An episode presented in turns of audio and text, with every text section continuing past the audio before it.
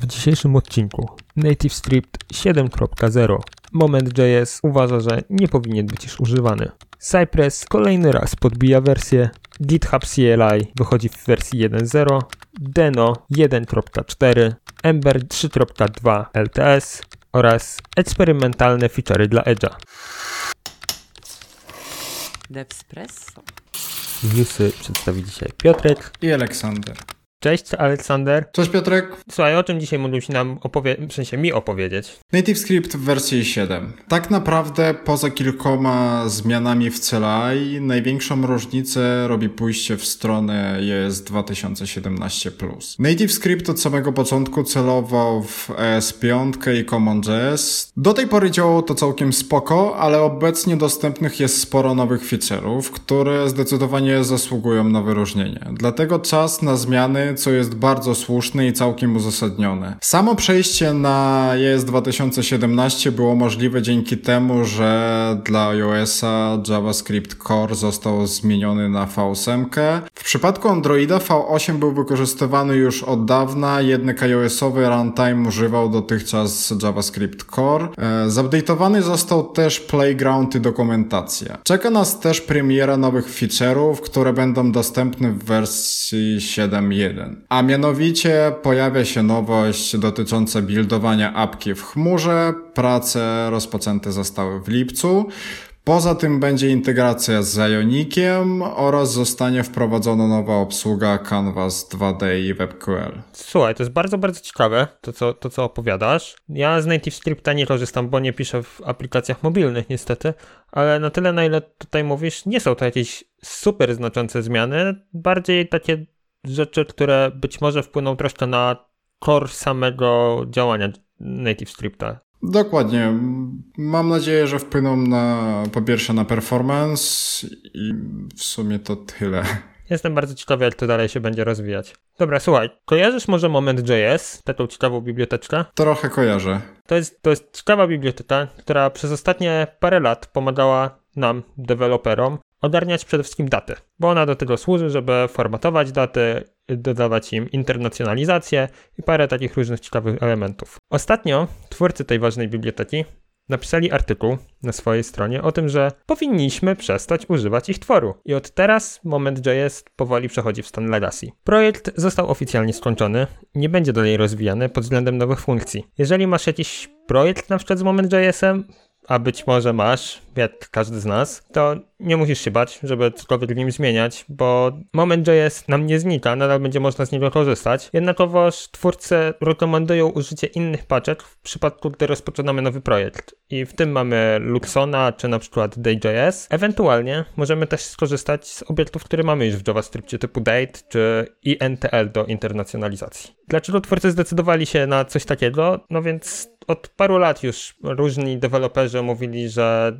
Moment.js jest bardzo duży, ciężko się go ładuje i, i to trwa strasznie długo w bundlu. Do tego jeszcze jest mutowalność wartości z tej biblioteki, więc chcieliby, żeby było immutable. No jakby bardzo dużo elementów, więc twórcy stwierdzili, że hej, są lepsze biblioteki, od tego korzystajcie z nich, a my po prostu zamykamy ten projekt i, i tyle. Do tego wszystkiego Moment.js przypomina, że TC39 jest zgłoszona propozycja nowego obiektu o nazwie Temporal, która ma pomóc w programowaniu dat. Propozycja ta czeka w tej chwili na feedback developerów deweloperów jest w stage 2. Obiekt temporal jest do sprawdzenia poprzez polyfill i coś mi się wydaje, że za parę lat mało kto będzie pamiętał o bibliotekach takich jak Moment.js. Dobra, to teraz może ja przedstawię newsę.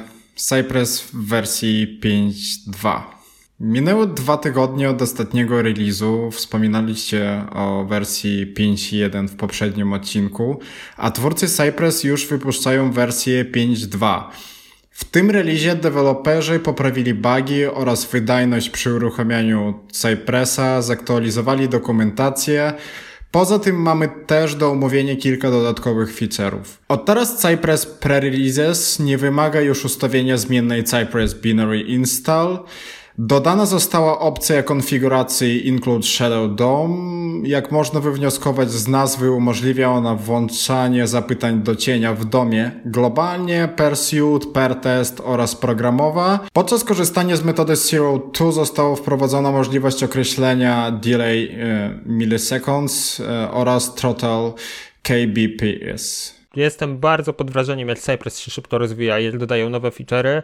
Trochę mnie dziwi, że robią to na zasadzie e, takich minor patchy, ale to powinno być jeszcze niżej, bo dla mnie to jest zmiana na poziomie 5.1.1 niż 5.2.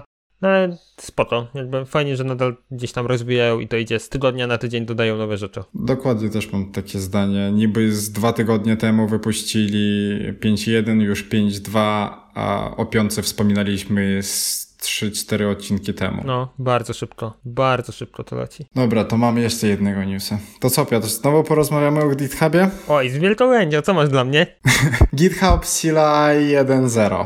Tym roku, kilka miesięcy temu, została ogłoszona wersja beta. No i od tego czasu notują oni spoko staty. Ponad 250 tysięcy pull requestów, ponad 350 tysięcy merge'ów, a oprócz tego stworzono około 20 tysięcy issues za pomocą CLI. CLI jest oczywiście cross-platform i działa na Macu, Linuxie i Windowsie. A teraz przejdziemy do rzeczy. Co można tak naprawdę zrobić za pomocą tego CLI? Po pierwsze, CLI daje nam możliwość zarządzania całym workflow z terminalu, zaczynając od issuesów, a kończąc z releasami. Możemy także ustawiać customowe aliasy dla dowolnych komend, a poza tym CLI pozwala łączyć się z GitHub Enterprise Server. Jej, strasznie tego dużo. Z tego co widziałem, że też można wystawiać normalnie requesty. Jest tego naprawdę mnóstwo rzeczy. Jakby praktycznie niedługo będziemy mogli zarządzać całym naszym kontem GitHubowym, tym co, co na nim robimy, z CLI-a. Dokładnie, GitHub bardzo mocno się rozwija wow, to wygląda mi na srogą automatyzację za parę lat i jak ktoś ma mnóstwo repozytoriów, będzie mógł to zrobić za pomocą CLI-a, zrobić sobie GitHub Action do tego i będzie to działało jak złoto. Dokładnie. Niesamowite. Dobra, słuchaj, jest nowa wersja Deno. Jaram się jak nie wiem co. Może nie są to duże zmiany, ale dość znaczące. Więc uwaga. Dodali Web Standard WebSocket API, więc mamy WebSockety fajowo. Tak, wiemy, były w Node, ale to jest Deno, pamiętajcie. Do tego Watcher, czyli automatyczny reload pliku po zmianie. Tak, dziękuję, bardzo dziękuję. Dodali możliwość zrobienia podsumowania z odpalania testów. Po prostu dostajemy zbiorczą informację ze wszystkich testów, ile z nich zostało wykonanych, jaki jest coverage. Bardzo fajny rzecz. No i do tego jeszcze dodali możliwość ostelowywania konsol logów. Jakby wiecie, proste rzeczy, ale cieszą. To teraz mam krótki newsik.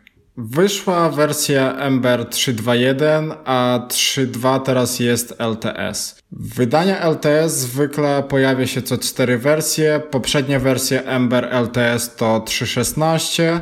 Zostało dodane kilka feature'ów w CLI, a mianowicie zaaktualizowano konfigurację Ember Try dla addonów, wprowadzono flagę lang jako opcję dla polecenia Ember New i jeszcze jedna zmiana w Ember.js. Zarówno funkcja, jak i metoda klasy getWithDefault została wycofana.